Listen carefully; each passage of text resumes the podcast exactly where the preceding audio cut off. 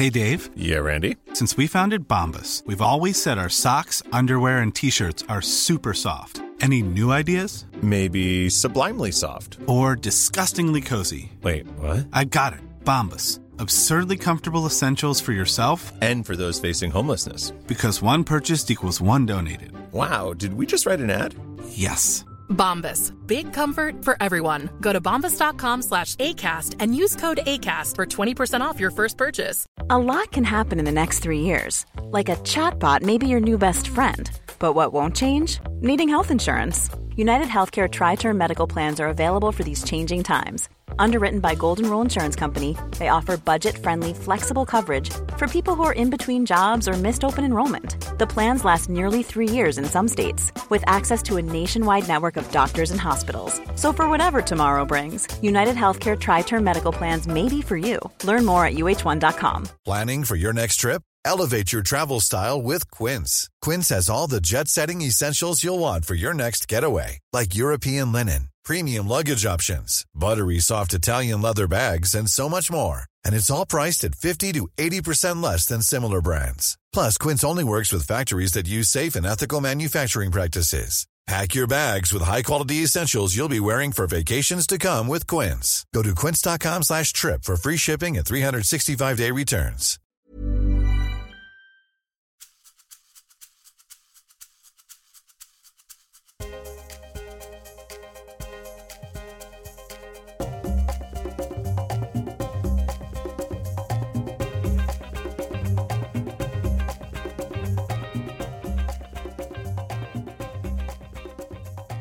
Hej och varmt välkomna till Karriärpodden och till mig, Eva Ekedal. I det här avsnittet träffar jag Cissi Elvin som är VD och chefredaktör för tidningen Chef. Hon är ju en person med mycket chefserfarenhet. Dels som tidigare VD på Svenska Filminstitutet. Hon har varit chefredaktör på ICA-Kuriren och många år inom SVT, både som producent och programledare. Det blir ett samtal om hennes erfarenheter och hennes syn på ledarrollen men också om stunder som varit lite tuffare. Cissi är ju också en stark röst som driver frågan om ett mer jämställt näringsliv och hon har bland annat varit med och startat och drivit projektet Battle of the Numbers. Följ med och lyssna! Jag vill också tacka Manpower Group som gör det möjligt för oss att producera och sända Karriärpodden. Nu kör vi!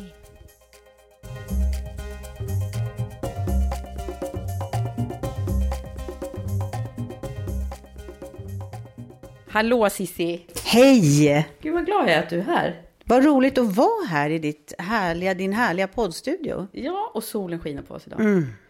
Våren. Underbart, äntligen. Ja, jag känner att det är, behövs lite vår nu. Och varje gång den kommer så blir man så här... Det är som att man aldrig varit med om det förut. Nej, och det är som att komma ut ur en tunnel. Ja. ja. Jätteskönt. ja. Hur mår du? Jag mår bra. Ja, vad härligt. Mhm. Jobbar du mycket? Jag jobbar ganska mycket. Eh, och nu, för vi har, ehm, vi har två stora evenemang på Chef varje år. På eh, våren så har vi Chefgalan. När vi uppmärksammar och prisar årets bästa chefer i sex olika kategorier. Och då leder jag den ihop med André Pops. Ja, Och så har vi jättespännande gäster i ett seminarium på eftermiddagen. och Så det är har vi- snart nu. Det är i mars så, eller? Det är snart, så att nu är det väldigt läge att börja skriva manuset. Så att Mm. det ska jag börja med i eftermiddag. Ah, Mm. vad bra. Då värmer du upp lite genom att snicksnacka lite chefskap och annat med mig nu då. Precis. Ja. Och om dig, som jag tänkte att det här verkligen ska handla om. Mm. Nu är ju du en, en eh, ganska medial person som många kanske på något sätt har, har stött på i lite olika sammanhang. Själv var det ju Bullen som, som jag träffade på dig första gången i. Det är så roligt för att fortfarande när jag, när jag ska göra så här liksom seriösa chefsintervjuer med olika vd och sånt Ja. där. Så, så liksom kryper det fram så här, åh, jag tittade alltid på Bullen. Hur känns det? Ja, men det känns ändå lite varmt på något sätt. Alltså barn och ungdomsprogram, saker man har sett när man var liten och på den tiden när inte utbudet var så stort. Då såg ju liksom alla samma sak också. Men ehm, men de, den typen av eh, program sätter sig ju på något sätt. Så att eh, därför kommer folk ihåg det. Men det är ju lite gulligt på något sätt. Det var du och Martin Timell. Ja, det var jag och Martin Timell. Och Martin är fortfarande kvar i rutan. Han är fortfarande kvar. Nu är han ju snickarguru. Ja, precis. Men det är inte du, utan har ju fått en, en härlig karriärutveckling på många sätt. Mm. Ska vi liksom pinpointa några grejer? Hur började det hela? Ja, alltså när jag var liten, då trodde jag... Förlåt bara. Em, när jag var liten, då trodde jag att jag ville bli skådespelerska. Jag höll på ganska mycket med teater och var med i vår teater och något som heter Miniteatern och sådana där saker. Eh, Så och- det var lite skådis, men du har det i släkten också va? Eller hur är det? Nej, men nej, det har jag inte. Men min pappa var ju eh, programledare på tv, så jag har mera den liksom, sidan. Men eh, det, det, jag, jag älskade att spela teater och jag uppträdde alltid på roliga timmen och sånt där. Men sen hände det med mig som händer med många tjejer att när man kommer i tonåren så blir man liksom lite blyg helt plötsligt och bara lite upptagen av att försöka vara söt och sådär.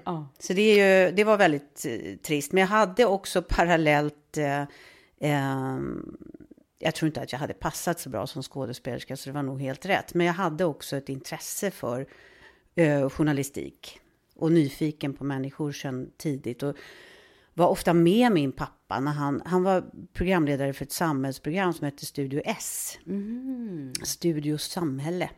Eh, och då, då följde jag ofta med honom. Och för så fick jag att man sitta i kontrollrummet och så skulle man vara alldeles knäpptyst.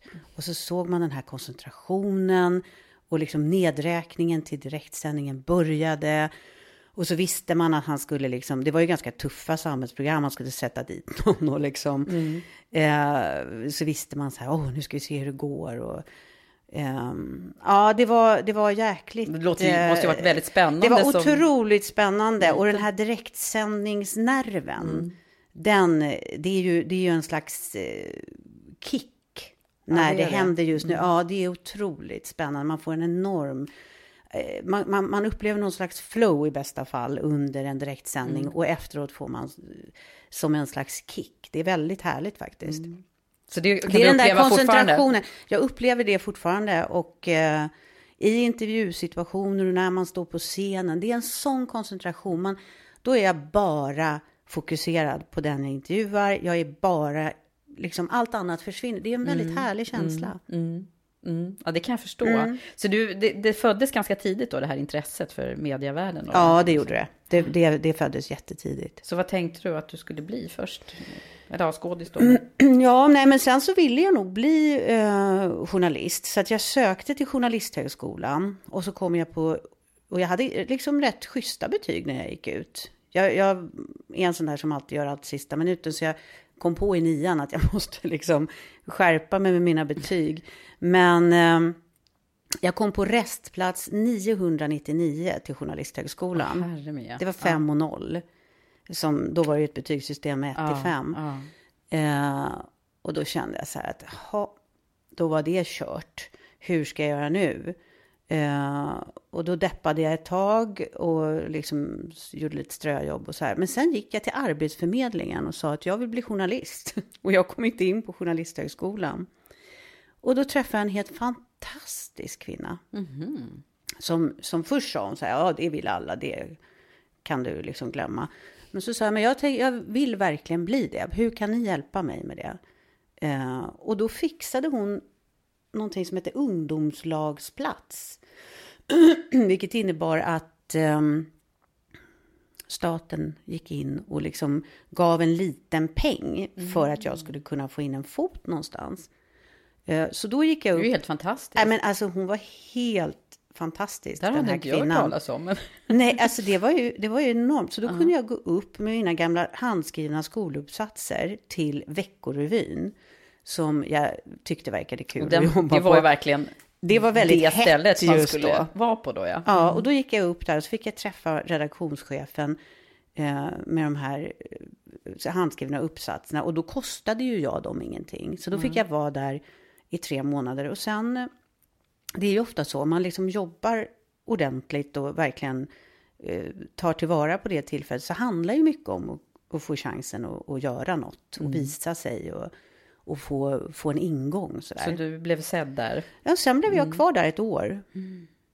Och det var ju, det var väldigt Ja, hur var kul. det då? Ja, men det var ju, det, Veckorevyn då var ju, eh, den som då var chefredaktör var ju den här legendariska eh, Gunni Videll. Som är Mm. Hanna och Amandas. Ja, mormor. Mormor? Nej, farmor va? Farmor, Farmor tror jag. måste det Just vara. det. Han och Amandas farmor. Eh, och eh, den som har lärt upp Amelia Adamo, som Amelia Adamo alltid ger kredit för. Och hon var ju hon var en sån kraftfull kvinna och hon visste precis hur, hur gör man ett omslag så att det säljer. Var exakt ska olika saker stå? Det ska alltid vara en siffra, det ska alltid vara en stark färg. Och hur, hur, Hon hade en känsla leende för det där, kvinna alltså. och hon ska titta in i, i eh, kameran. Och hon hade en enorm känsla, en enorm eh, kunskap och känsla för eh, vad folk går och tänker på och vad, vad man just nu vill läsa om. Och, eh, ja, Så du och en lärde dig väldigt mycket här, kommersiell det känsla. Jag lärde mig otroligt mycket och jag blev så inspirerad av henne. Hon var en sån häftig och kraftfull och stark och rolig och lite galen person.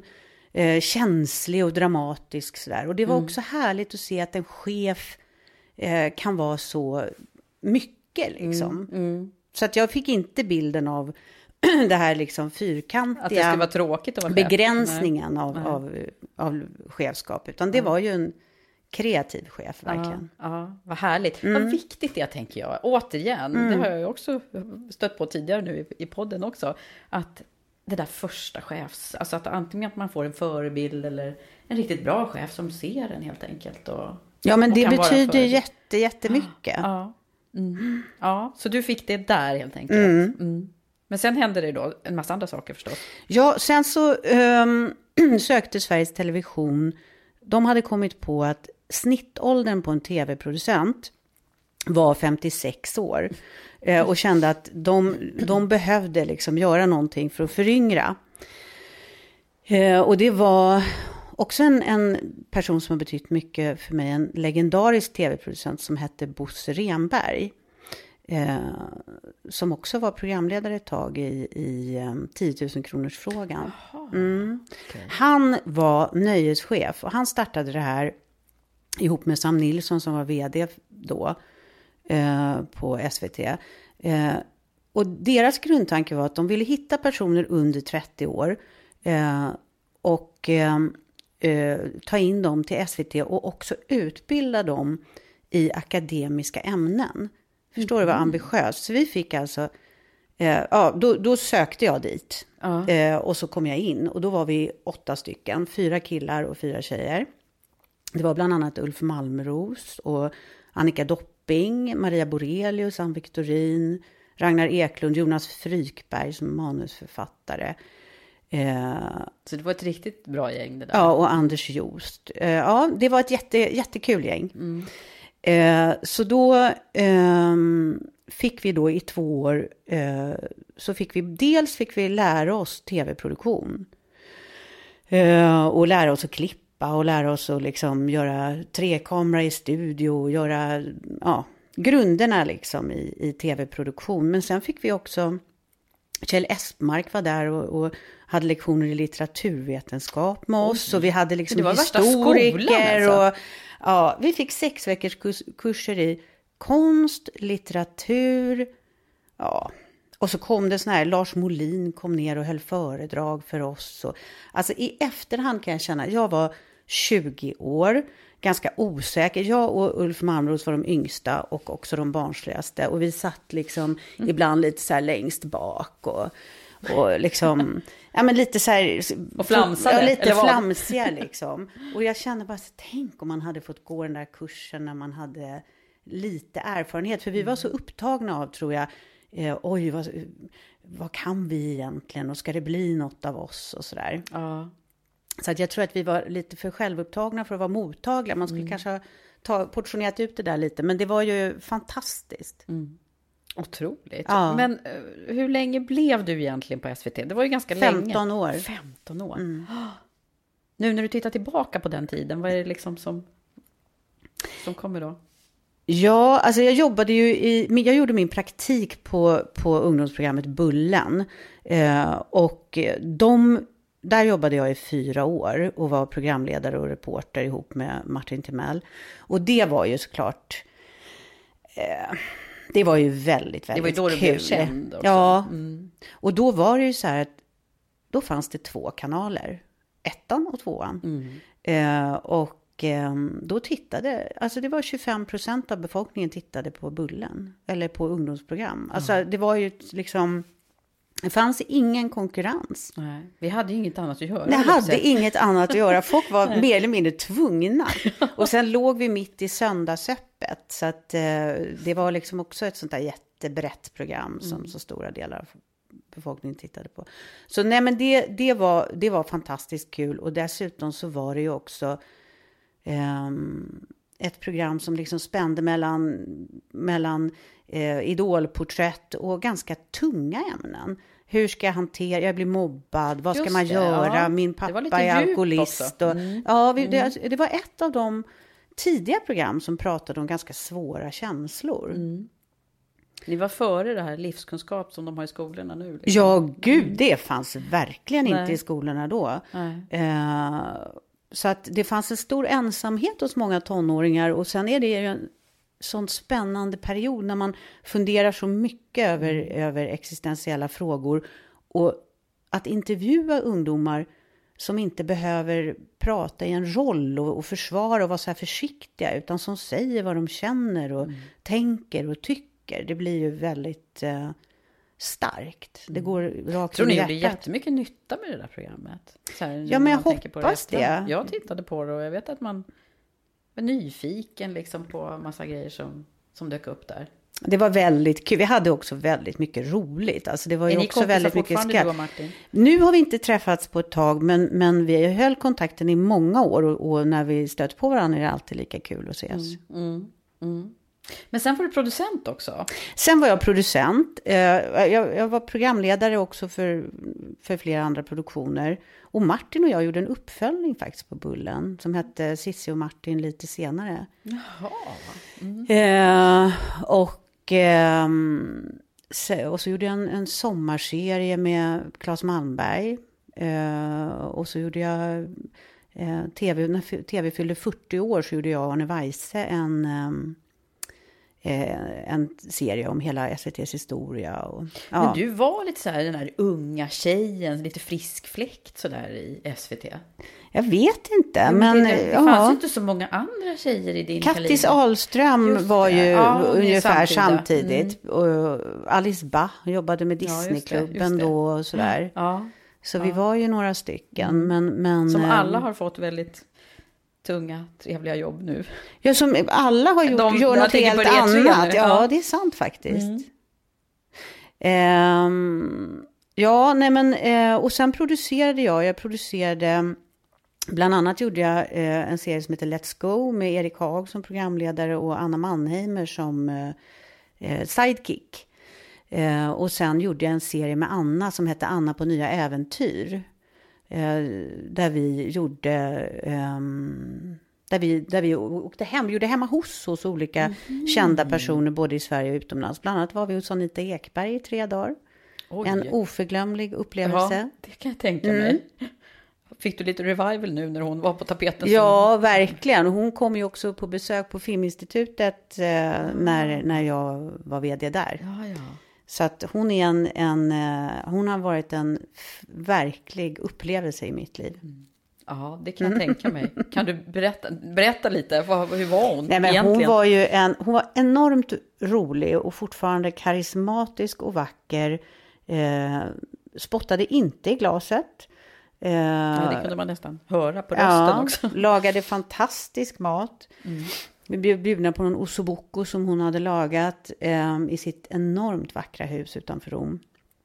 Eh, och sen så hade hon en, en ehm, ja, hon hade en spännande livshistoria där hon ju faktiskt hade levt med en gift man i stor del av sitt liv. Mm, Men Som nu på slutet, jag såg någon intervju, var hon lite bitter eller?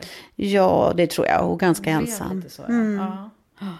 Vad tråkigt. Det var ju en fantastisk karriär hon hade också. Ja. Men du, nu ska vi backa till dig Ja, Cissi. För då, då är vi på SVT och sen har ju du... När kom det första chefsjobbet? För det, att producera är ju också att leda andra, men det riktiga, liksom formella chefsjobbet. Som producent så, så var, var jag ju chef på så sätt att man var liksom ansvarig över innehållet. Eh, en slags kreativ chef, eller vad man ska säga, över ett program. Eh, och det som var spännande med den ledarrollen, eh, det var ju att, att där handlade det väldigt mycket om och eh, där handlade det om innehåll verkligen. På, på SVT så var det ju så att ville man liksom gå vidare i karriären där, då handlade det om att bli projektledare. Eh, och som projektledare hade man löneansvar och budgetansvar. Men det ville inte jag. Jag var inte alls intresserad av det. Därför att då jobbade man inte alls lika kreativt med, med, Och det och, var innehållsmässigt. kreativiteten som du... Det var det jag ville jobba med. Jag ville jobba liksom nära både journalistiken och eh, eh, det kreativa. Så därför så, vi- så ville inte jag gå vidare den vägen. För det, och det är ju ofta så att eh, ju liksom, man kommer längre och längre ifrån det som man egentligen drogs till från början. Eh, och det, har jag, det försökte jag verkligen värja mig emot. Eh, men sen fick jag då, blev jag uppringd av en headhunter. Och Eh, en sån här som jag. Ja, precis. Som, som, ehm, eh, som sa att han hade ett chefredaktörsjobb på ICA-Kuriren och eh, undrade om jag var intresserad. Och jag bara började skratta för jag tyckte det var så himla uh, out of the blue liksom på något sätt. Uh, och ICA-Kuriren hade jag inget förhållande till. Eh, men så tänkte jag att men det kan vara spännande att gå dit på intervjun. Uh, och då eh, hade jag ju läst tidningen rätt noga innan och började känna en väldig respekt för den. För att den hade som bredd mellan rätt tuff konsumentjournalistik och eh, eh, vad heter det, mm, jättebra matreportage. Och, alltså den var väldigt så här, en, en vardag, det var liksom lite public service-tidning eller vad man ska säga. Med hela det här. Jag har ju alltid tyckt att det är ganska kul att prata till många så att säga. Eh, att, att verkligen nå ut med det man gör. Och det var ju då över en miljon läsare varje vecka. Så det Ja, var är ju Sveriges största... i landet också. Är det Ja. inte så att det är liksom inte bara storstäds Nej, nej, människor precis. som läser ICA-Kuriren utan det är... Ja. Det, det, det, det är verkligen en, en bred tidning och var då Sveriges största veckotidning. Var det så? Mm. Oj. Så att eh, då blev jag sugen på det, för vad det handlade om var då att modernisera den. Att ta en sån bred eh, folklig tidning liksom, och göra den lite vassare, lite tuffare och lite yngre. Eh, och det tyckte jag var ett enormt spännande uppdrag. Så Så då att- var det liksom förändringen i sig då? Började det var förändringen. här då? Ja. Mm. Jag, jag vet inte varför jag tycker att det är så otroligt kul att, att ta på mig förändringsuppdrag. Men, Nej, men just det här... sig? Alltså jag, jag vet faktiskt inte riktigt. Kan du jag komma inte... på det? Vad, vad- kan det komma ifrån när du var liten? Ja, eh, jag, vet, jag vet faktiskt inte riktigt vad drivkraften är. Men jag, jag, jag kan tycka att det är som att lösa en gåta. Eller alltså man ser någonting som man känner har en enorm potential och möjlighet. Men där man, där man behöver vässa och slipa och göra om och bygga om. Alltså jag, jag, jag, jag kan gå igång på, jag kan se det framför mig redan när jag får det uppdraget. Så kan jag liksom se framför mig vad det kan bli. Och sen kan jag få en enorm kraft av att försöka förflytta det dit. Eh, Vad häftigt. Ja. Det, där, det är säkert inte alla som har det där i sig. Nej, jag tror att jag skulle tycka att det var väldigt tråkigt att ta på om, om- om jag skulle gå in någonstans där allt fungerade perfekt och bara försöka behålla det så.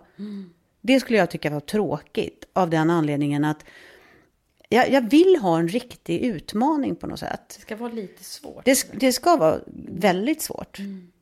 Men det där är rätt lustigt. Många personer som jag har intervjuat genom åren, de, de säger ofta att, Mm. Ja. att de gillar det där. Ja. Eh, sen så kan det ju vara så att när det väl då är lite tjorvigt och jobbigt så är det inte så himla kul för vissa. Men det låter på dig Nej, som att så- du, du har gått igång på, på själva förändringsresan. Jag går igång på själva förändringsresan och sen kan det ju bli urtufft. Eller sen blir det urtufft längs vägen.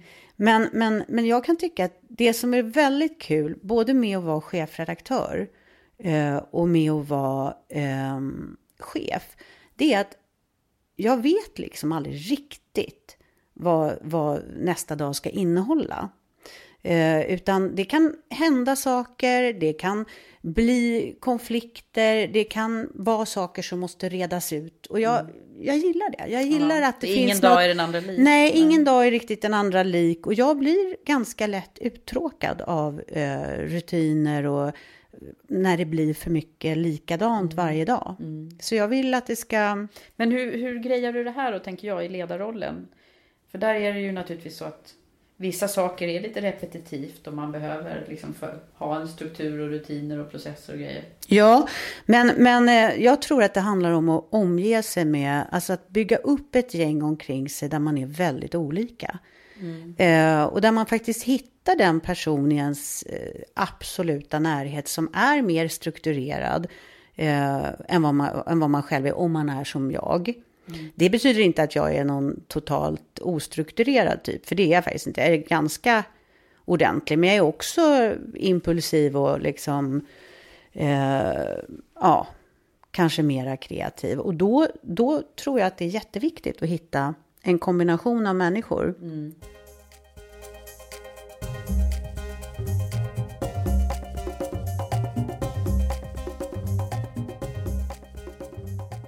Men du, om vi tittar på dig som, som ledare här då. Eh, då har vi de här olika förändringsresorna. Vad, vad är det som har varit egenskaper som du tror att du har haft glädje av i de här sammanhangen? Förutom den här kreativa ådran då. Jag tror att eh, eh, men jag har jobbat på nästan samma sätt varje gång. Och det är att jag först har träffat så många jag kan eh, som är berörda. På chef nu så träffade jag alla medarbetare och vi är ju inte så många så det var ju inte... Nej, hur många är ni nu? Ja, nu är vi, vi är 14 personer som jobbar på chef. Ehm, och sen har vi då, eh, eh, jobbar vi med ett annonsbolag och där är de fem stycken. Ehm, men vi är 14 som jobbar liksom heltid på chef. Så vi jobbar ganska mycket. Ja, just det. Ja. Men, eh, eh, nej men då träffade jag, då var vi 20, så då jobbade, då träffade jag alla.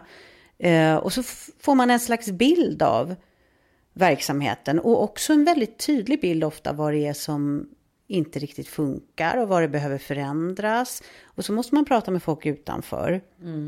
Eh, med läsare och med, med olika Så det handlar samarbetspartners. mycket om att förstå uppdraget. Liksom. Det handlar om att försöka få en tydlig bild av var ska vi vara om tre år eller om fem år.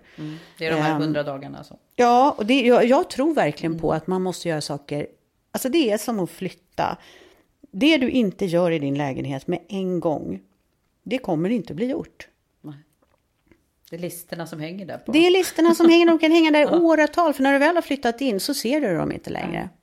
Men innan och precis när du flyttar in, då ser du allting. Du ser det så klart.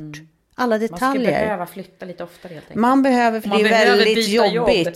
Lite Ja. då och då säger jag som gillar att folk faktiskt byter jobb ibland. Ja, och det har jag ju faktiskt, jag trodde jag skulle liksom leva hela mitt yrkesliv på, på SVT.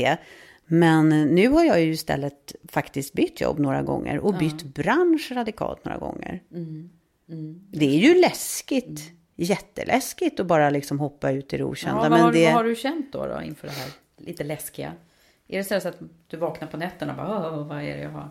Ja, absolut. Men, men jag kan ju säga så här, jag är ju en, jag är en människa som är rädd för mycket. Jag är rädd för att flyga och jag är rädd för sjukdomar. Och jag är, Är du? Ja, men jag har mycket sådana liksom, Det tror rädslor. man ju inte. Nej, men jag är ganska tuff i mitt jobb. Du är tuff för jobbet men ändå liksom... Men jag är ändå ganska rädd. Alltså, Så att, ja, jag kanske är lite modig då, tänker jag. Ja, har du något, något, någon hypotes kring det där? Vad, vad, vad det kan bero på? Eh, att, Alltså att du är modig på vissa håll då i jobbet och sen rädd för lite andra saker.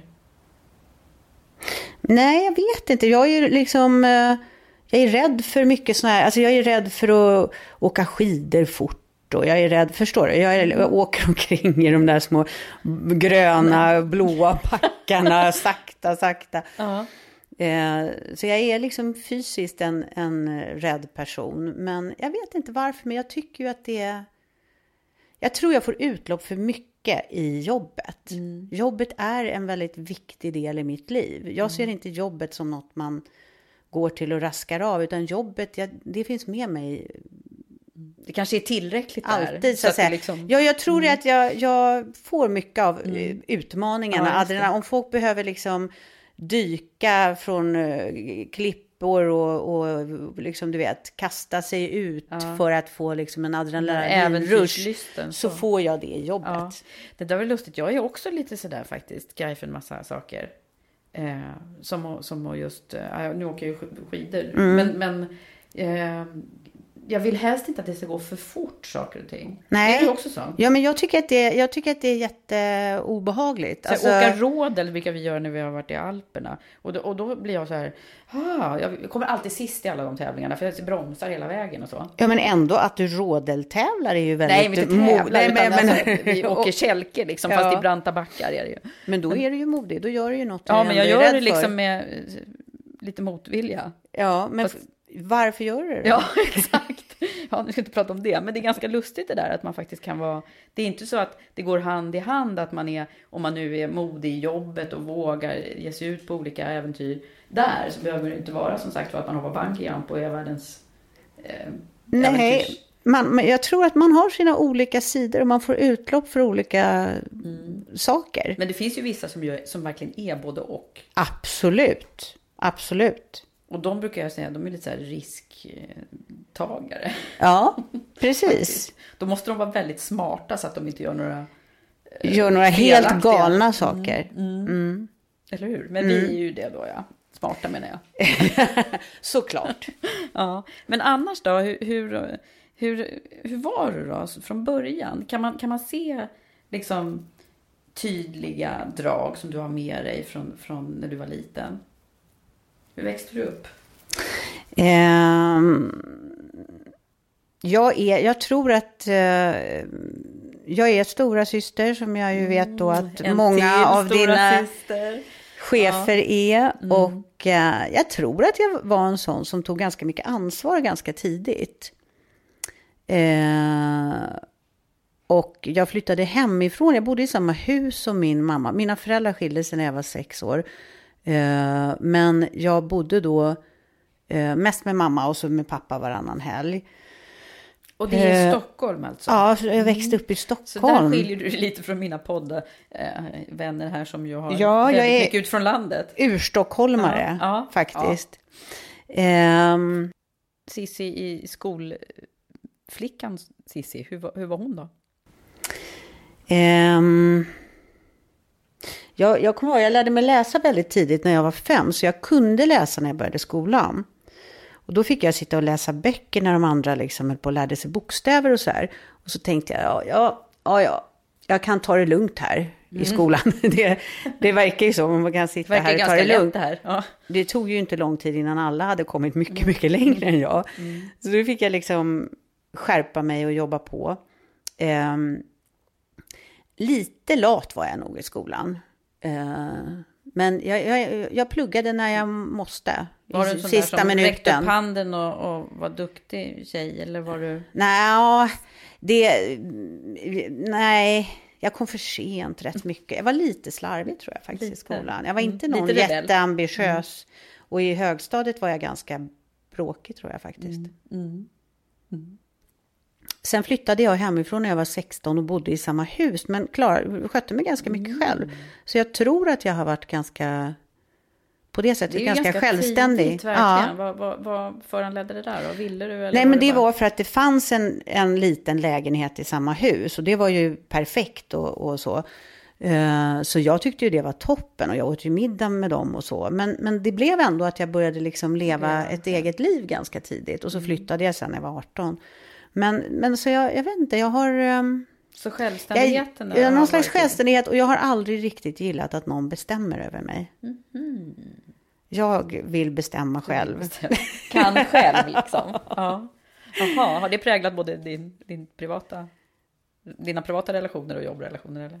Jo, men det tror jag. Mm. Absolut. Mm.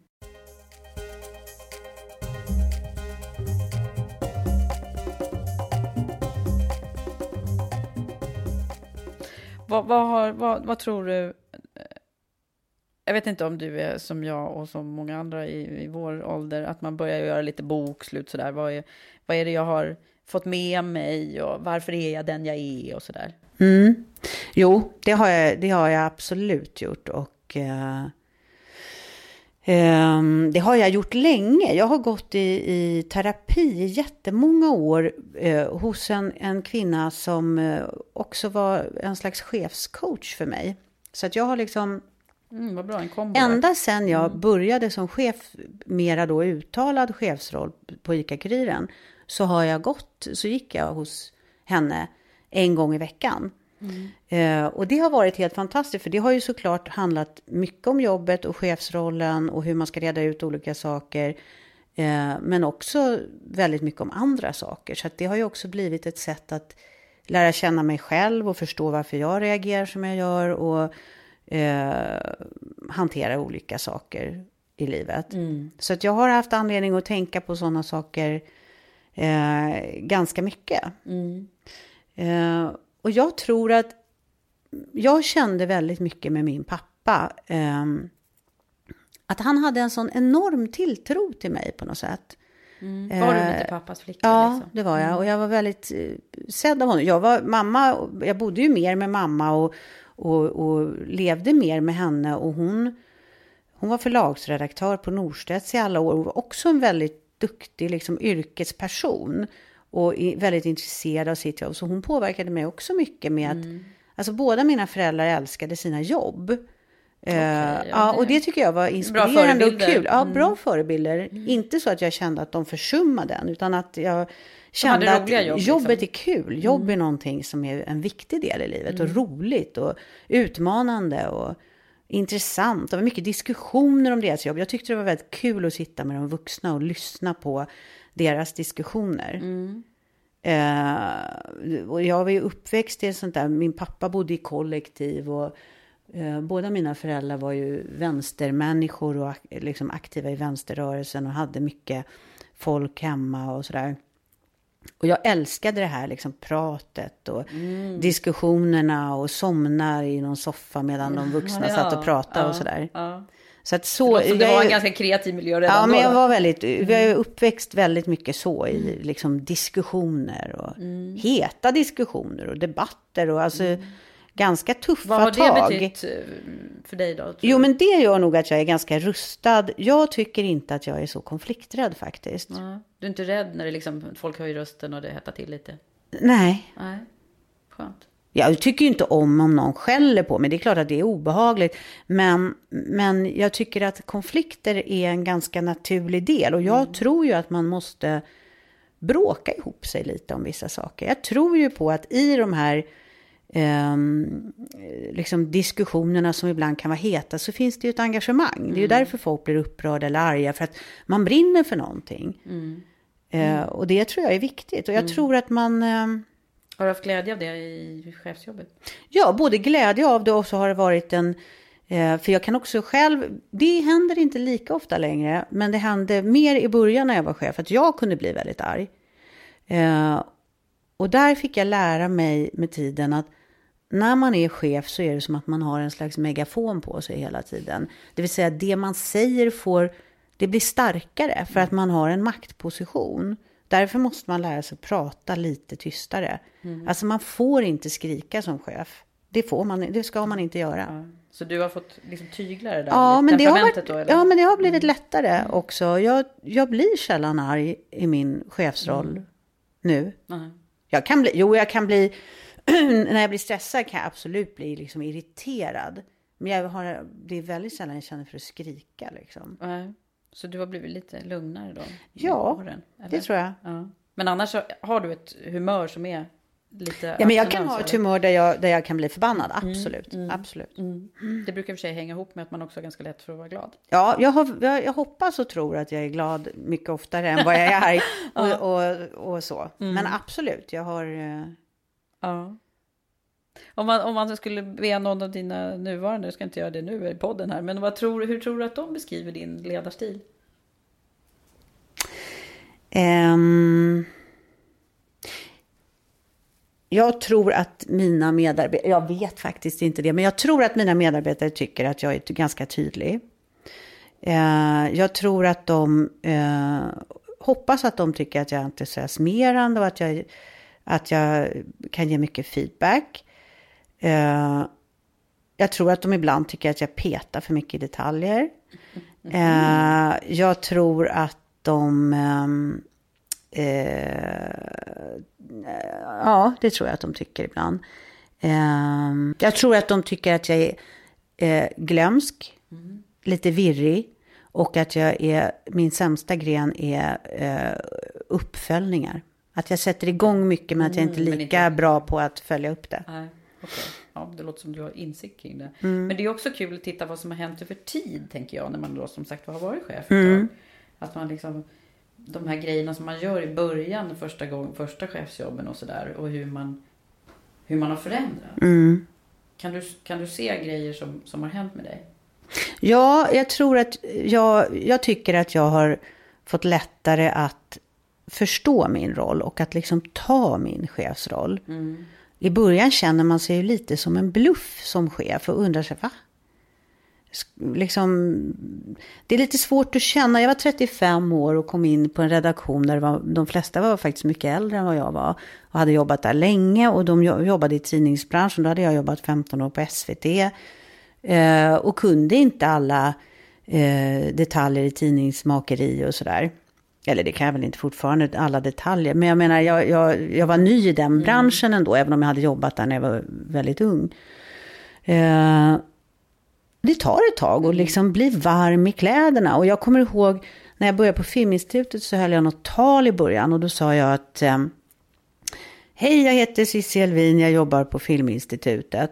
Och då fick jag skäll efteråt av en, en eh, kvinna som jag jobbade nära sen. Hon sa, du kan inte säga så. Du måste gå in där och säga, jag är vd på Filminstitutet. Du måste liksom ta, ta den platsen, annars får du ingen pondus. Och det tyckte jag var väldigt klokt. Eh, Men det där med pondus, du Ja. är ju blond och tjej och söt och liksom inte så lång. jag ser snäll ut. Du ser snäll ja. ut. Ja. Hur, hur har du... Det tror jag jag har en enorm fördel av. Att du ser snäll ut? Ja, jättestor fördel av. Ja. För att då kan jag faktiskt vara lite Du tuffare. kan vara lite Mm. arg ibland då. Ja, dels det tror jag. Och sen så tänker jag i intervjuer och sådär att eh, det är en bra egenskap. Titta på Stina Dabrowski. Man kan ställa ganska Mm. tuffa frågor om man ser snäll ut. Ja, okej, så du har bara dragit nytta av det. Ja, men jag tycker att det har varit en fördel. Jag har inte känt faktiskt så mycket. Jag ser det i eh, samhället. Jag blir jätteupprörd över det. Jag har kämpat hela mitt liv för att kvinnor ska få stort inflytande. Jag har försökt peppa många kvinnor och liksom känner nu som en uppgift eh, när jag snart fyller 50 själv att peppa unga tjejer. Eh, men jag har inte själv känt mig så förminskad för att jag är kvinna. Eh, faktiskt. Och det, alltså det är så konstigt. Jag vet inte vad det beror på. Jag tror, där tror jag faktiskt min pappa har gjort sitt jobb. Alltså, Ja, för att det han, låter som han har, Ja. han har stärkt dig. Ja, han har stärkt mig på det sättet. För att jag kan ha jättedåligt självförtroende för massor med saker. Eh, men jag känner inte sådär att... Eh, det är inget, alltså jag har flera vänner som ofta känner här, jag blir inte tagen på allvar och sådär. Jag tycker att jag blir det. Och, och blir jag inte det så, så har jag inte riktigt märkt det då. Då har jag varit Nej. okänslig för det. Men jag bryr mig inte så mycket om, alltså om jag vet vart jag ska så får jag det där liksom tunnelseendet lite grann. Då är jag, då är jag fokuserad på vad jag vill åstadkomma. Och så försöker jag med alla medel att åstadkomma det. Har du haft med dig det där tidigt också, tror du? Ja, det alltså tror jag. den här ja, känslan det tror jag. att, att det spelar ingen roll att jag är liten och tjej och så. Nej, men jag har bara tänkt så här, jag har tänkt väldigt pragmatiskt. Hur ska jag åstadkomma resultat?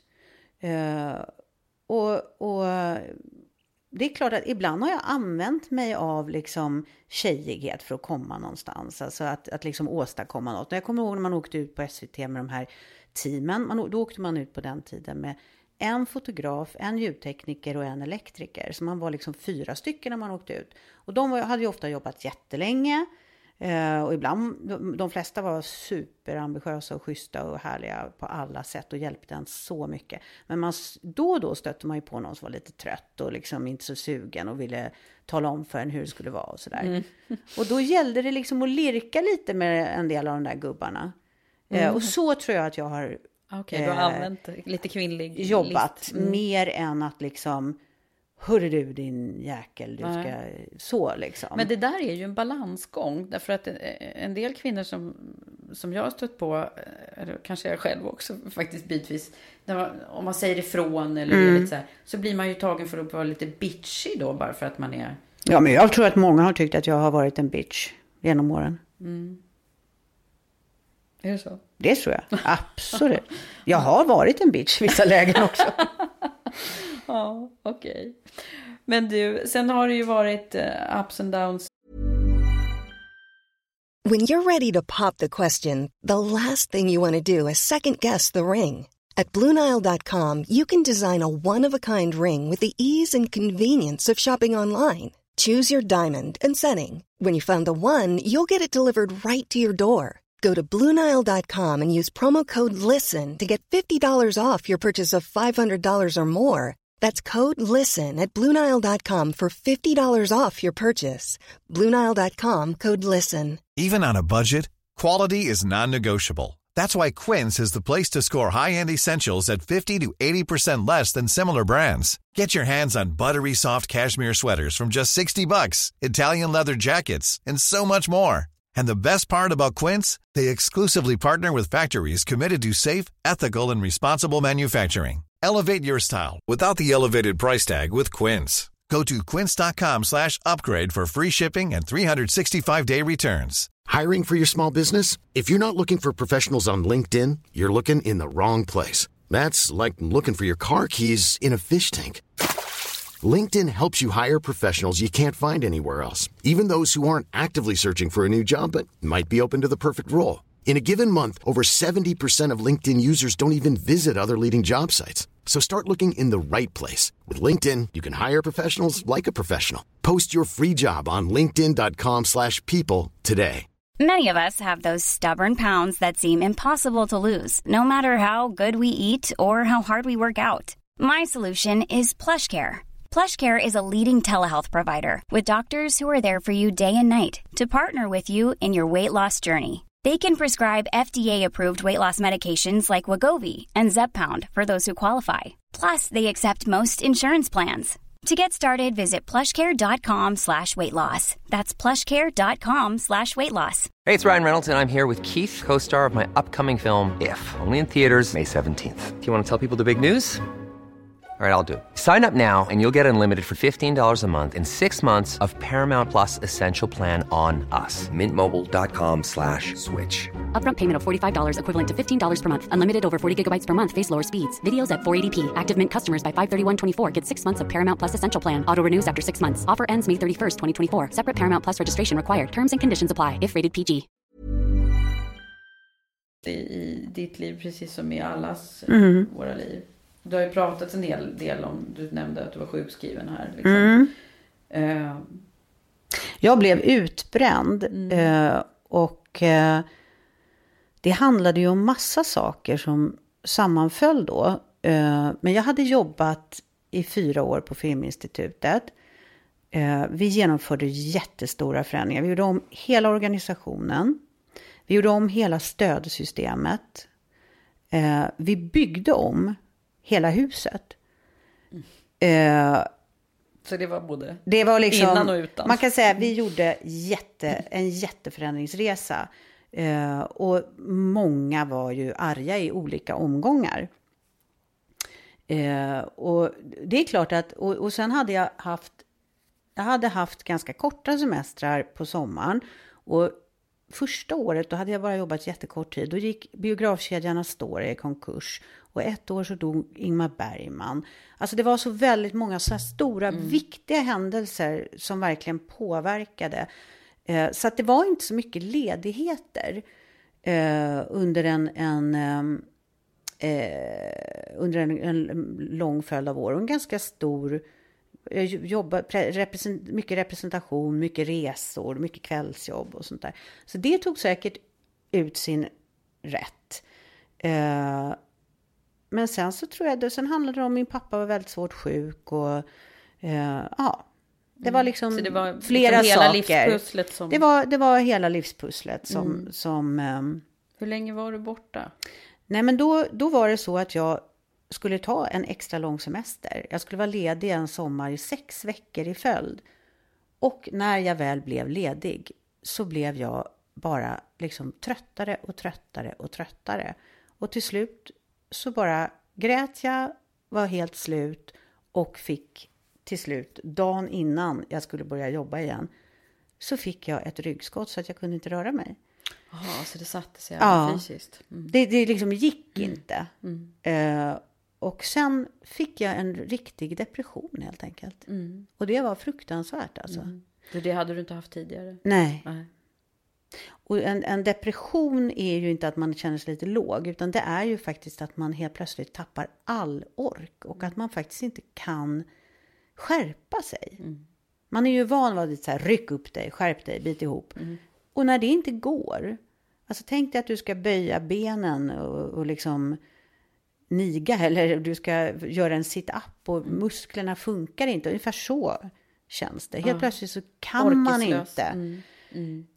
Det var så skrämmande för en människa som vill liksom ha fall, kontroll. Liksom. Va? Mm. mm. Så att det var, det var en, en väldigt obehaglig känsla av brist på kontroll. Att tappa kontrollen. Och också väldigt mycket skamkänsla. Mm. Jag kände mig så misslyckad och så ja, men jag kände mig som om jag liksom klädde av mig offentligt på något sätt. Mm. Och så gick jag ut, jag gick ut, jag hade min hund Greta som jag då gick ut och gick en promenad med varje dag. Det tog hela förmiddagen att, att liksom mobilisera sig för att gå ut. Mm. Eh, och jag ville, inte att, jag ville inte träffa någon jag kände. Och jag gick, jag åkte med bilen ut i skogen och försökte hitta sådana här ställen där jag tänkte, här träffar jag väl inte på någon. Det var en väldigt vacker höst. Väldigt, jag älskar hösten. Det var otroligt fin solig höst. Eh, och jag gick undan i de här djupa skogarna. Och tror du inte att jag alltså så många gånger träffade på regissörer, skådespelare. Vilken jäkla djup skog jag än gick ut i så kom det fram någon och sa Nej men är det inte Sissi? Och jag bara, och det tror jag berodde på att de vill också vara i fred. Ja. Så man går till såna här, om man går till sådana här ja. ställen som är riktigt undanskymda, då mm. träffar man dem. Som det är vill... då man liksom... Ja, det är då man stöter på varandra.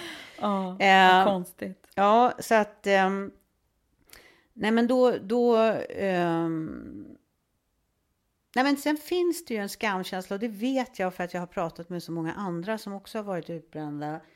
Att man, man mm. känner sig väldigt för första tror man ju aldrig att man ska bli glad igen. Nej. Utan nu är livet slut, mm. tänker man. Mm. Du var så långt nere. Mm. Ja, och så känner man att man inte... Ja, inte att jag ville ta Nej. livet av mig, utan att jag bara inte kunde se någonting som jag var sugen på eller kändes roligt. Liksom. Eh, och... Eh, nej, det var, det var fruktansvärt. Så det, det var, fruktansvärt skrämmande. Och Sen fick jag medicin och mm. terapi och gå en sån här stresshanteringskurs och så där. Och så stegvis, det tar ju ett tag och det mm. gick ändå tror jag rätt fort. Jag var sjukskriven i augusti, fyra månader, det är ganska kort tid. Ja, det är kort tid. Mm. Mm. Men eh, I sen tog det ju... kan det ju ta flera år. Det kan ta flera år, men det, mm. det, jag hade en väldigt bra terapeut som hela tiden sa att eh, sluta inte jobba helt. Mm. Utan liksom behåll, för man kan också tappa självkänslan. Mm, när man inte har jobbat. Eh, men då, då samtidigt då kom ju det här erbjudandet om chef.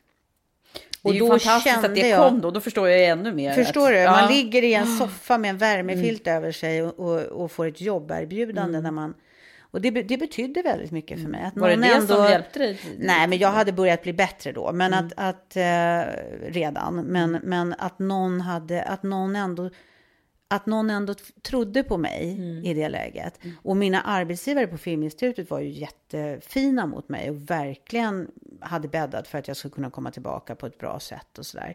Men jag tror att när man men jag tror inte att man kan arbetsträna som vd och komma tillbaka på 25 procent och börja liksom.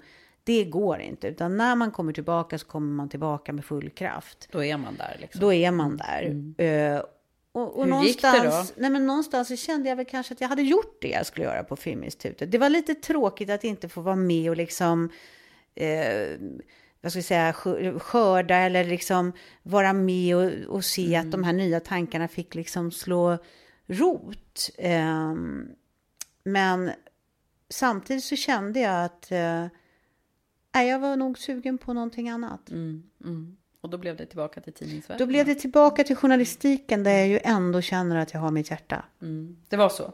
Ja, därför att eh, på Filminstitutet så var det förändringsuppdraget jag tyckte var så spännande och filmbranschen och den kreativa världen. Men där handlade det ju mycket om att skapa förutsättningar för andra. Mm. Eh, och jag vill också göra själv. Ja, just det. Kanske. Faktiskt. Ja. ja. ja. Nej, men jag, jag behöver också förverkliga mina egna idéer. Annars blir jag, tycker jag till slut att det blir lite tråkigt. Så var det så att när du kom tillbaka då, då gick du direkt till tidningen? Ja, då gick jag direkt till tidningschef. Jag började i februari. Eh, började jag. Eh, och då hade jag liksom jobbat under januari med att läsa på och träffa folk och sådär. Mm, mm. Så det kanske var rätt egentligen att gå tillbaka till någonting nytt? Eller ja, inte gå att tillbaka gå utan... Mm. till någonting nytt tror jag. Det, det vet jag många som, som eh, har varit, eh, egentligen tycker jag inte om ordet utbrända, men utmattningsdeprimerade är ett mycket bättre ord. Mm. För det visar att det, kan, det går över och Ja, det kommer ett nytt liv. Precis. Ja, utbränd låter som man inte kan liksom... Då är det slut. Ja, verkligen. Så det är lite farligt. Ja. ja. Ja, du brukar ju få prata om den här resan vet jag. Jag brukar få prata om den här resan och jag blir tillfrågad varenda vecka. Blir jag tillfrågad om att komma och berätta om det, hålla föredrag, vara med i tidningar, i tv. Och jag har ställt upp på många sådana, för jag tror att det är jätteviktigt att visa att man kan vara med om det här. Eh, och man kan komma tillbaka. Och när jag säger att det tog fyra månader, det betyder inte att det tog fyra månader. Det tog mycket, mycket längre tid innan jag kände mig helt återställd. Men jag kunde ändå komma tillbaka till ett jobb. Sen var jag ju, egentligen kan man nog säga att själva processen tog nog ett halvår. Och sen tog det lång tid. Alltså det, det tog eh, säkert ett år efter, när jag ändå kunde känna att jag inte hade samma ork som förr. Och liksom, Så det är ju som att, det, det är en lång resa. Men du är lite klokare då nu? Ja, både och. Alltså, det är ju många som vill att man ska komma tillbaka och säga att ja, nu har jag lärt mig, nu har jag hittat ett sätt att hantera allting på. Så här. Jag är ledsen att säga att jag är ganska mycket samma människa. Ja, det, det är liksom du skulle kunna gå... gå. Nej, jag tror inte att jag, jag tror så här att eh, det jag har lärt mig är att känna igen symptomen på när det blir för mycket. Och då pausar jag. Så att jag, jag, på det sättet har jag verkligen lärt mig. Jag skulle inte gå över, över mina gränser liksom för vad jag orkar på samma sätt. Nej, så att du känner Ja, av det? så på det sättet så har jag ju, det är ju en Det är ju förändring. klokare. Det är ju klokare, det har Mm. du faktiskt rätt i. Men jag, jag är ju samma personlighet. Ja. Och jag är fortfarande lika glad i mitt jobb och jag Mm. tycker att det är kul och jag jobbar mycket i perioder. Ja men du, alltså det där, Men jag, jag jag, tycker- känner igen det där jättemycket för att jag har ju själv då, inte riktigt samma, men jag har varit sjukskriven i perioder för att jag just jobbar för mycket. Mm. Men, eh, och får ett annat fysiskt symptom på det. Men, eh, och får också alltid höra det där att du, du, du måste du väl ha lärt dig någonting för att nu du, kan du väl inte jobba lika mycket igen och du ska ju ta det lite lugnare och sådär. Nej, jag tror inte det. Utan man har ju som sagt var säkert en läggning också. Är man liksom en energisk person och gillar att liksom jobba mycket, då gör man ju det igen och igen och igen. Jag, jag, tror, jag, jag har lärt mig, tror jag, en sak. Och det är att förut så, så eh, när jag jobbade på SVT så var det så tydliga, det passade på det sättet, hela den cykeln som var då, nu är det ju mycket hårdare där, men då jobbade man jätteintensivt i ett par månader. Sen hade man Eh, som till exempel, ja, men när man gjorde en programserie, då, då sände man ofta liksom i januari, februari, mars, april. Sen i maj och juni så eh, liksom nedrustade man, tänkte ut idéer, bokade upp saker för höstterminen och liksom slutförde en massa saker och så här. Då var det liksom lite låg säsong. Sen var man ledig och sen på hösten så var det uppstartsperiod. Sen var det stenhårt arbete i fyra månader igen. Mm. Det betyder att det fanns någon slags återhämtningstider. Mm. Eh, vilket gjorde att sett över ett år, det passade mitt temperament så himla bra. Mm. För jag har liksom, jag har inga problem att vara slö i perioder. Men när jag, när jag jobbar då, då tycker jag det är roligare att liksom hugga i. Mm. Men då blev det ändå över tid, över ett år, så blev det en ganska lite. bra balans. Mm. Mm. Medan jobb som till exempel Filminstitutet var i princip, eh, det var ett maratonlopp istället för ett sprinterlopp. Mm. Eh, och då måste man hushålla med sin energi på ett helt annat sätt. Mm. Och det tror jag att jag har blivit bättre på. Jag, jag brukar säga till folk att skolka ibland. Mm.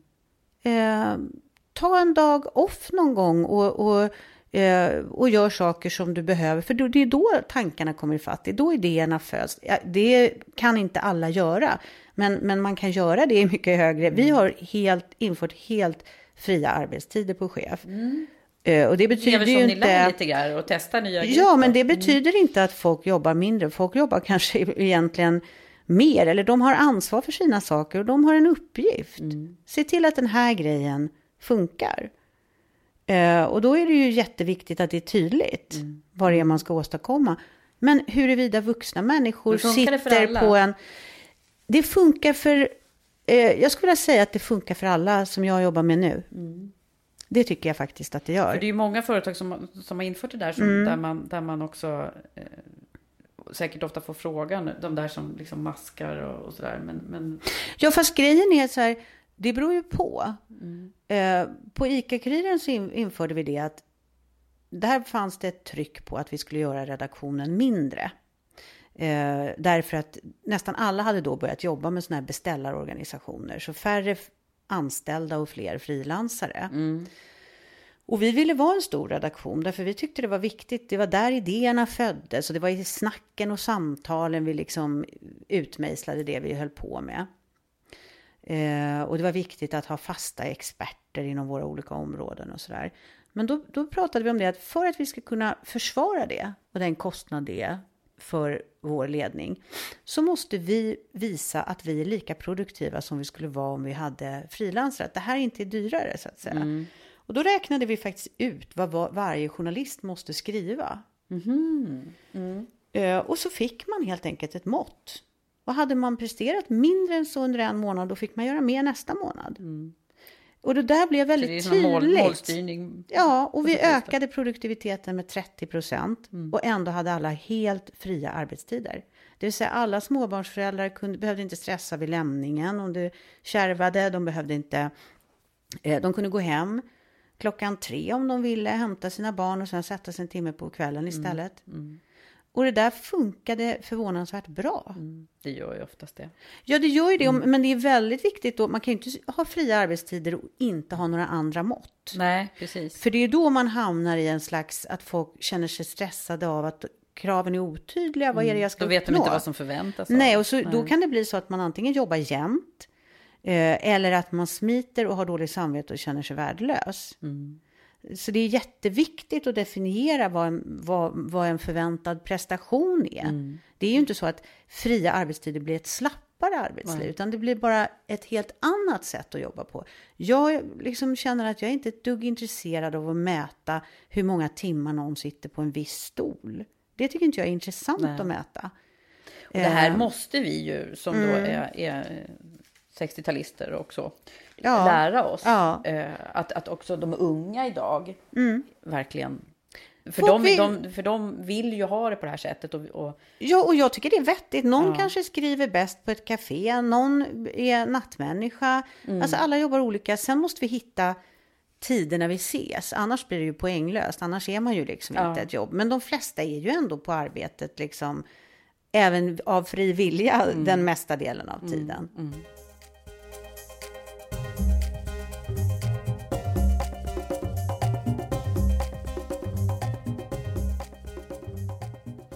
Du Cissi, jag vet ju att du har eh, eh, jobbat väldigt mycket med att få fram kvinnor som du också sa här. Och du har ju jobbat i ett spännande projekt som har pågått.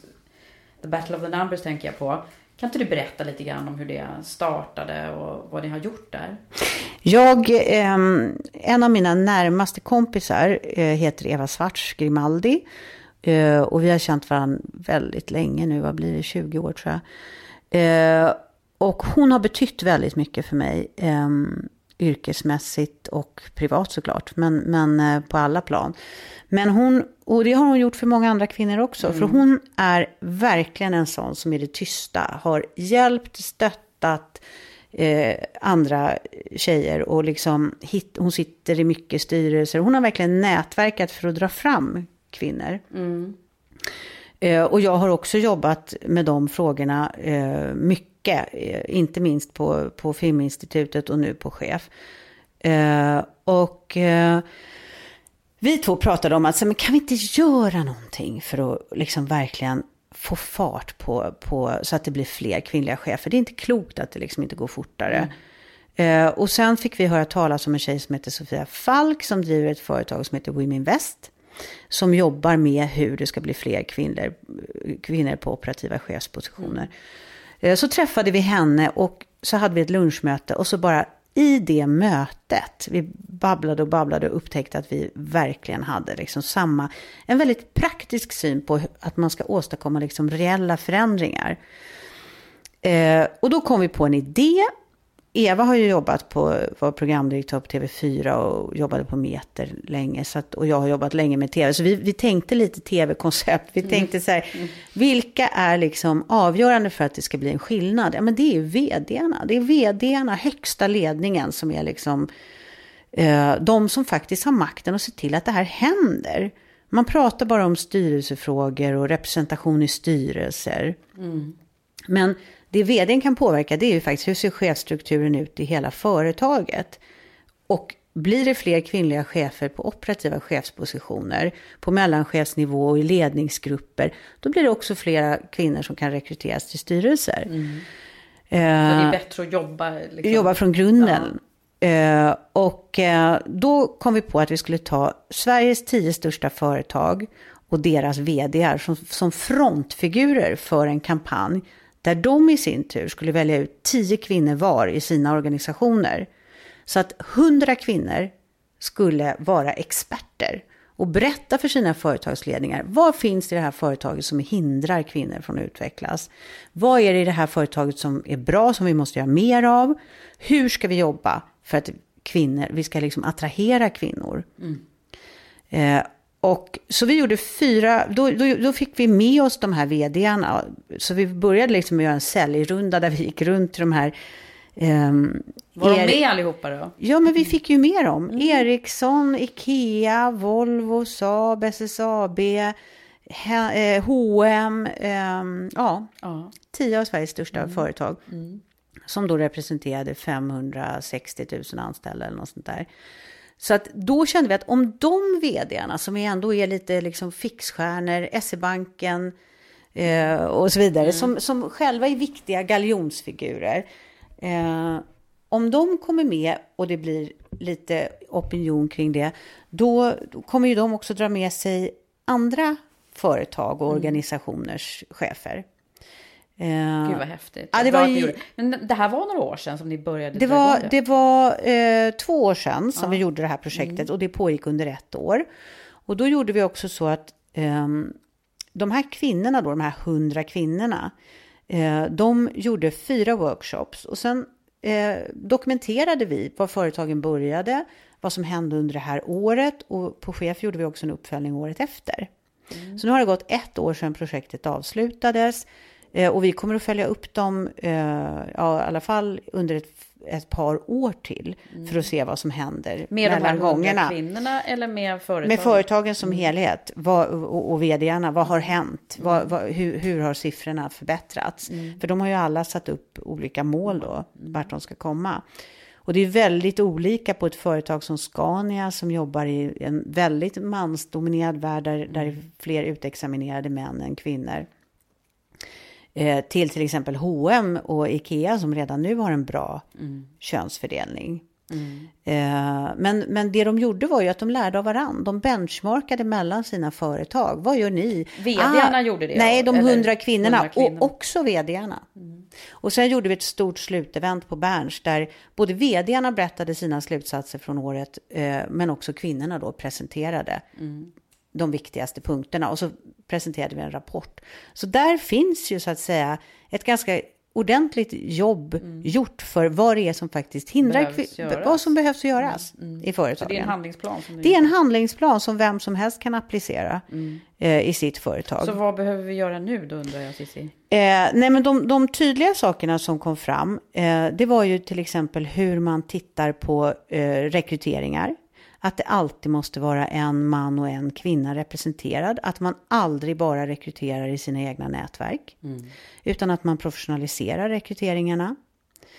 Eh, det är ju när man väljer folk bara ur sitt nätverk som man väljer de man känner igen och de man redan har en relation till. Eh, Så det, det är en väldigt avgörande fråga. Och sen att, att eh, underlätta för eh, helheten, så att säga. Att underlätta för att kunna skaffa barn, att vara borta ett tag, eh, men att kunna komma tillbaka. Eh, att inte bli bortvald under tiden man är hemma med barn, att inte halka efter lönemässigt under den tiden. Så den kom upp den också? Den. Den kom upp väldigt mycket, men så handlar det om hur man pratar i företaget. Eh, alltså till exempel att man inte säger vi måste se till att vi har ett antal kronprinsar. Nej, just det. Nej, men det fanns väldigt många sådana exempel och att synliggöra kvinnor. Men den allra viktigaste slutsatsen eh, som jag tycker av Battle of the Numbers, det var att om inte vdn och högsta ledningen hela tiden sätter upp mål som de kontinuerligt följer upp och verkligen bedömer cheferna i organisationen på hur väl de lyckas rekrytera mångfald, då händer ingenting. Nej. Så det ligger mycket Det ligger ansvar. väldigt mycket ansvar hos den högsta ledningen och bestämmer sig en vd för att vi ska ha 30% kvinnor i vårt företag om två år och inte lyckas åstadkomma det, då är ju inte den, han eller hon tillräckligt beslutskraftig. Nej. För det är ju hela deras uppgift. Så det är För klart det det här går. om att, att kvinnorna inte finns. Eh, Det, Nej. Det, det, det Nej, köper vi inte. Det köper vi faktiskt Nej, inte. det gör vi inte. Ja, Däremot är, det, däremot är det, tycker jag generellt, det var faktiskt en slutsats. Det behövs göras mer för att få fler kvinnor att eh, vilja utbilda sig till ingenjörer. Absolut. Det, Där- det finns är, där finns det faktiskt ett problem. Ja, ja verkligen. Och de kvinnor som gör det, de som rycker ju har alla jobbat i- mycket i IT, IT-branschen. Det, det finns mycket kvar att göra Mm. där. Och det finns väl andra branscher som bygg och sådär som fortfarande Mm. också är extremt svårt Mm. att rekrytera kvinnor Ja. överlag. Det är det. Ja. Men bra, tack Cissi för att du har bidragit där. Fortsätt med det, det är ju fantastiskt. Ja, det var fantastiskt att jobba med det projektet. Det var så roligt. Ja, jag förstår det. Det känns sådär, kan inte fortsätta liksom. Jo, men vi gör ju det genom att följa upp dem så att vi liksom fortfarande bevakar att det Ja. faktiskt händer någonting. Mm. Ja, men det är bra. Så vi hoppas det Man får väl sprider göra sig. någon liksom utvärdering eller, eller ta de här företagen som inte bara är de tio största också. För det Ja. finns ju väldigt mycket att göra. Allbright gör ju också väldigt mycket bra saker där med sina listor. Jättebra, jättebra. Eh, Så att det finns ju några till Mm. som, som det jobbar finns på det många som jobbar med de här frågorna Mm. bra. Och det är ju verkligen viktigt. Du, när det gäller om man tittar liksom till kvinnorna i sig. eh, Det, det snackas ju så mycket om det där med att vi, nej, vi är så försiktiga och vi ska ha, bocka av allting på, på kravprofilslistorna eh, för att vi överhuvudtaget ska räcka upp handen och sådär. Men vad, vad, vad säger du för någonting? Vad har du för råd till eh, kvinnor som vill göra en karriär? Jag tycker ju att det ändå händer någonting. Det som jag blir väldigt glad av att se när jag tittar på unga tjejer idag, det är ändå att jag tycker det händer någonting med eh, självförtroendet. För att det, är ändå min erfarenhet att även både från mina år på SVT och eh, ja, men i filmbranschen absolut också.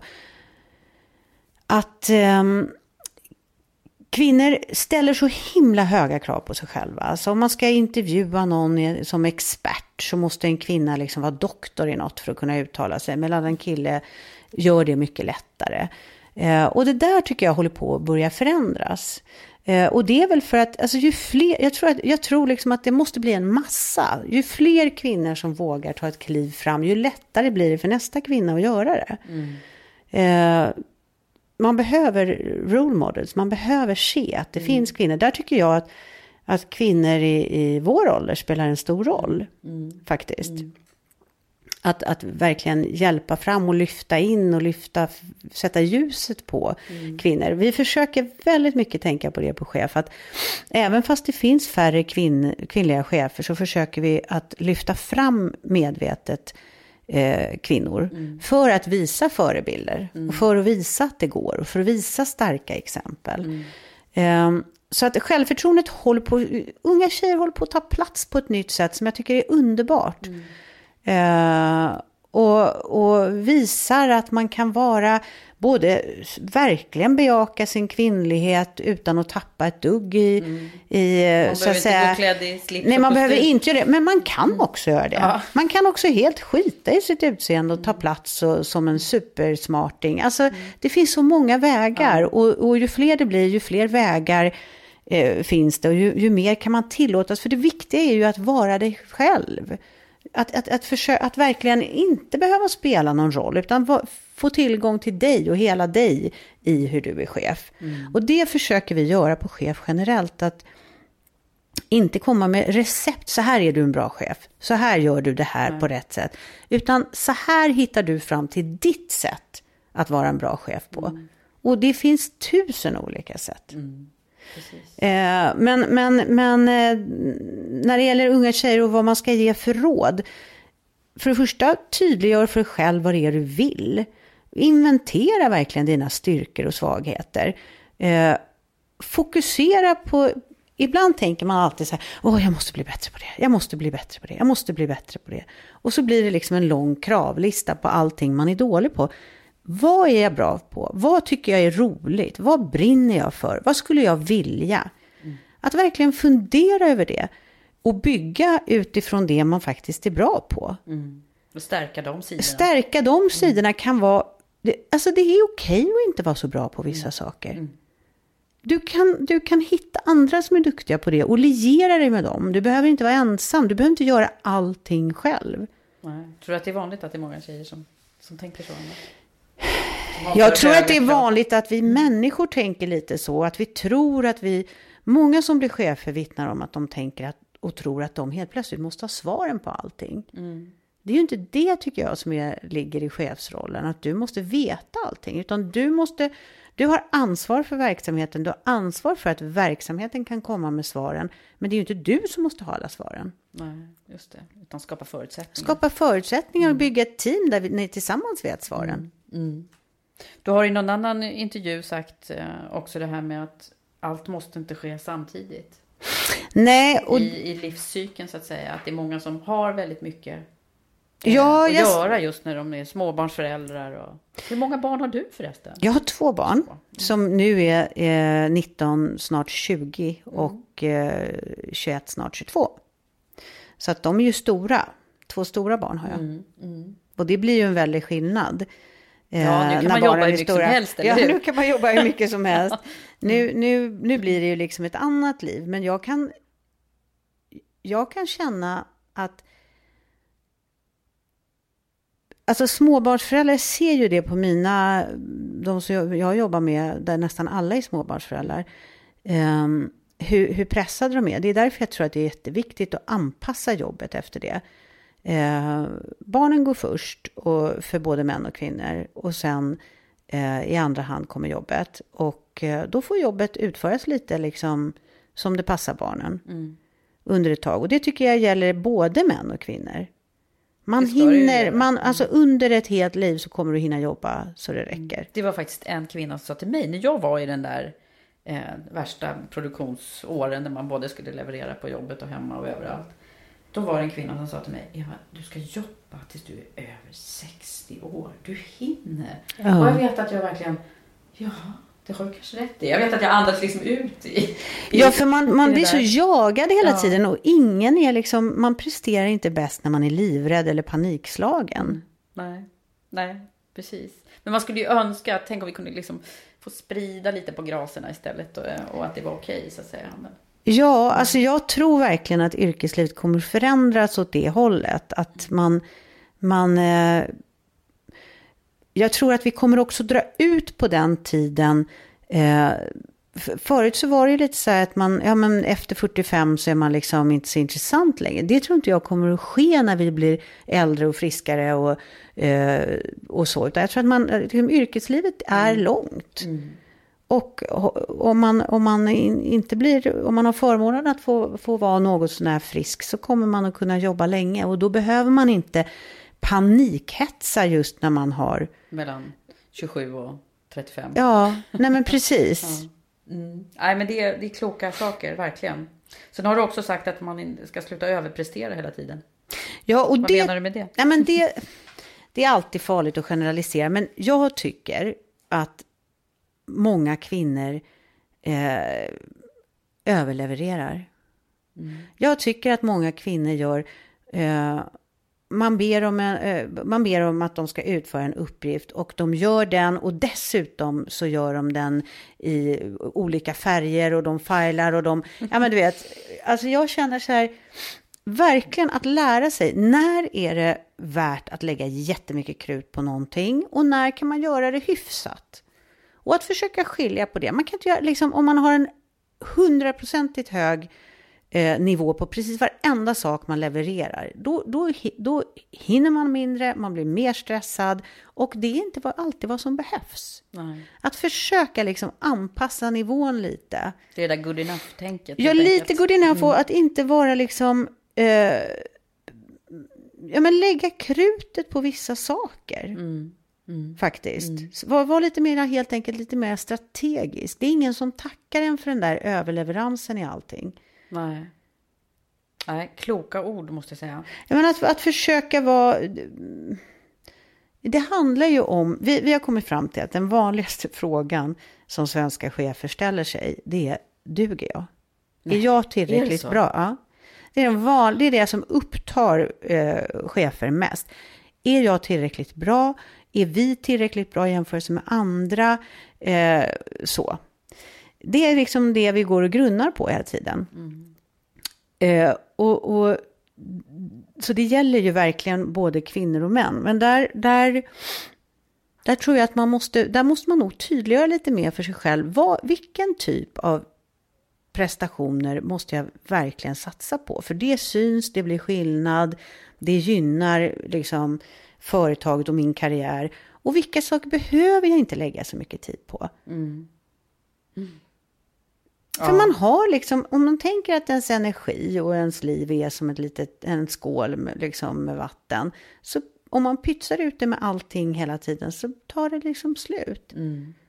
Jag tänker också att, eh, ja, det är inte så konstigt för det är ju, det är ju så med ledarjobb att det ju ofta är också ibland lite otacksamt. Så att, ja. så att eh, det, det här med bekräftelsebehovet, det kommer vi liksom aldrig bort ifrån. Nej. Vare sig vi är barn, vuxna, chefer eller inte. Liksom. Det är klart att alla behöver höra att jag duger och det, det jag är bra. Folk får ju alldeles för lite feedback ja. generellt. Mm. Eh, och eh, där tror jag vi måste bli mycket, mycket bättre. Och vi kan tycka att en, en ung generation är eh, narcissistisk ibland, liksom, och like-beroende och sådär. Mm. Men vi måste ju också lära oss att då ge bekräftelse på ett sätt som känns och märks, för att det får folk att växa. Mm.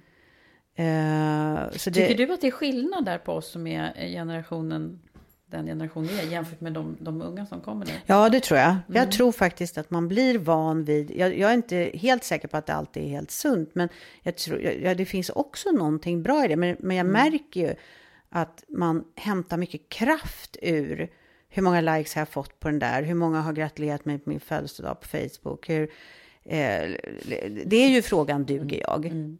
Hur, mm. mycket, hur älskad är jag? Mm. Eh, och, och Men jag tänker också att de är, att de är så... Eh, de är bättre på att ge varandra ja. även feedback live ja. än vad vi är. Ja. Jag jobbade ihop med, med lite yngre personer och jag bara kände att det var underbart. De satt och liksom gav varandra go och cred på ett helt annat sätt. De ger varandra energi liksom genom det och jag tror att det är eh, om man inte bara eh, anpassar sig till det och gör allt för att få bli så gillad som möjligt, mm. eh, så tror jag att det är bra. Alltså den där heja, hurra, mm. wow, mm. Eh, det, det, ger ju kraft. Mm. Mm. Ja, nej, och det tror jag, jag chefer måste lära sig att bli mycket bättre på att faktiskt förstå vad det är som skapar energi hos folk. Mm. Och att få, om man inte säger något så, så kan ju medarbetare gå omkring med enorma föreställningar om vad som döljer sig. Mm. Istället Precis. för att försöka säga det så ofta som det går. Ja. Och även när det är något som inte funkar. Mm. Så vet man att, ja, när, när de inte säger något så är det inget. När, om de är missnöjda med någonting så mm. kommer de få höra det. Och, och, när det finns något att berömma så kommer man också få höra det. det, blir, det man slipper gå och ha idéer och fantasier som upptar mycket energi helt i onödan. Mm, mm. Ja, visst är det så. Nej, det där behöver vi absolut. Vi hejar. Mm. Och vi hejar här i Karriärpodden mm. jättemycket på alla tjejer. Mm. Men du, jag tänkte det är dags att börja summera lite. Har, har du liksom någon sån här... Något livs... Eh, något motto eller någon livsfilosofi som du lever efter och så? Nej, det, det, har jag faktiskt inte riktigt. Men ibland vissa dagar får jag, så använder jag Micke Persbrandts motto, skärp dig. När jag känner att jag behöver liksom rycka upp mig lite. Uh. Eh, och eh, jag försöker tänka, jag försöker verkligen tänka på att, eh, men, jag försöker tänka på att vara kärleksfull. Alltså jag försöker verkligen tänka på det. Att man... Ja, men när man tänker att någon eh, har gjort något bra eller när man tänker att någon har en fin tröja på sig, att säga det. Mm. Mm. Det försöker jag tänka på faktiskt. Jag, jag försöker också tänka på vad liksom lite... Min dotter har jobbat jättemycket på café och min son har jobbat i kassan, mataffär. Jag försöker tänka på att vara extra trevlig mot folk som kanske mest får sura människor som står och pratar i telefon. Alltså lite sånt. Ja, ja så att sprida ja. lite värme och kärlek. Ja. Mm. Det kan vi också må bra av allihopa. Mm. Du, du ska få en fråga också, därför att eh, min förra gäst här, Klara Adolfsson, hon, mm. hon ställde ju en, en fråga som skickar vidare fråga och du kommer också få mm. skicka vidare. Men vi börjar med att du ska få svara på Klaras fråga. Mm. Du hörde det, men så här lyder den i alla fall.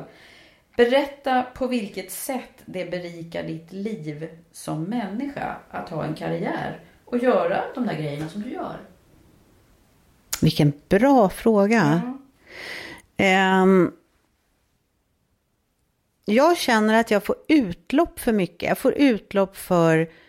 Uh, jag är otroligt intresserad av psykologi. Uh, så hade jag inte blivit journalist hade jag blivit psykolog eller velat bli psykolog.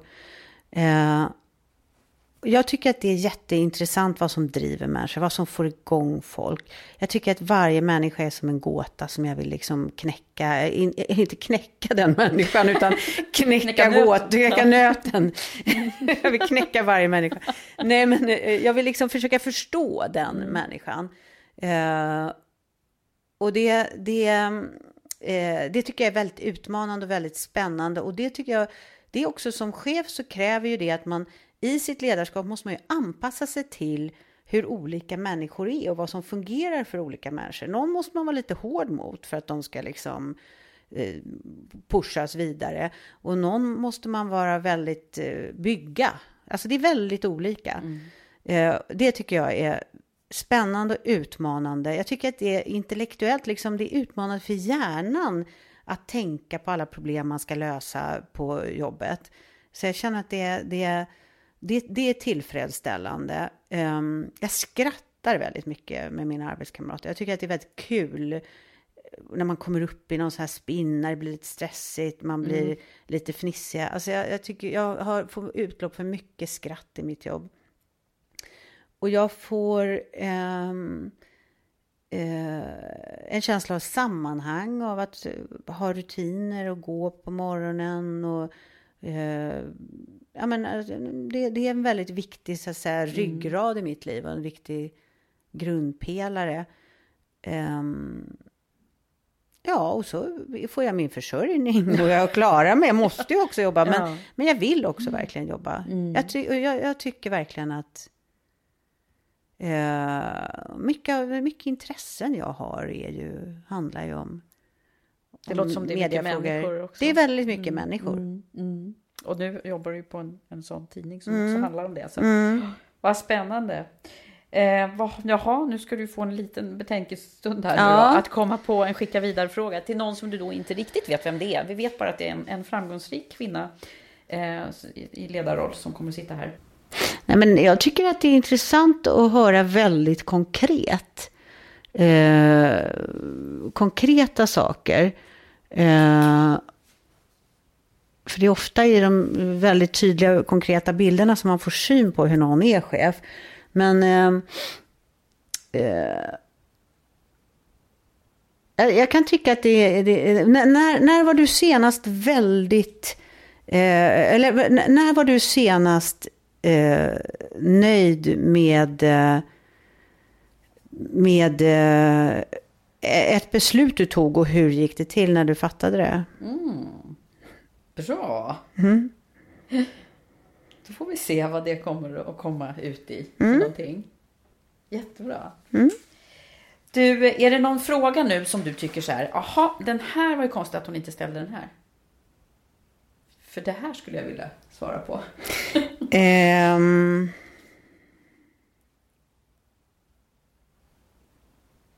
Nej, jag vet inte riktigt. Um...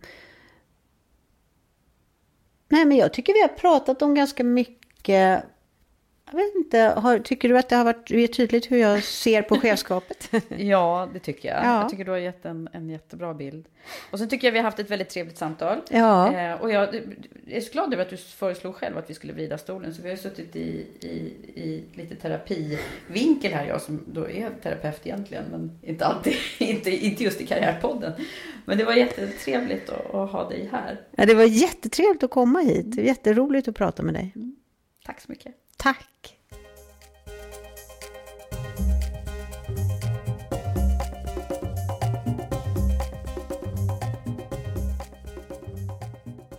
Nu är det dags för min reflektionsstund efter mitt samtal med Sissi. Ja, jag har sagt det förut, men jag säger det igen. Och jag är glad att jag får träffa de här fantastiska tjejerna. Det är ju som att jag får faktiskt lite nya kompisar varje gång, känns det som. Sissi är ju jättehäftig. Jag blir imponerad av hennes pondus och självförtroende och tydlighet. Eh, och tror verkligen att det är en av hennes stora styrkor. Jag har också en känsla av att hon är mycket den hon är. Det vill säga, hon gör inte om sig så mycket och verkligen bottnar i sig själv. Det är så skönt att träffa sådana personer, för det blir så tillåtande på något sätt, tycker jag. Karriärpodden görs i samarbete med Manpower Group, Sveriges ledande kompetensföretag med fokus på ett hållbart arbetsliv. Tack för att du lyssnat. Vi hörs snart igen. Hej hej!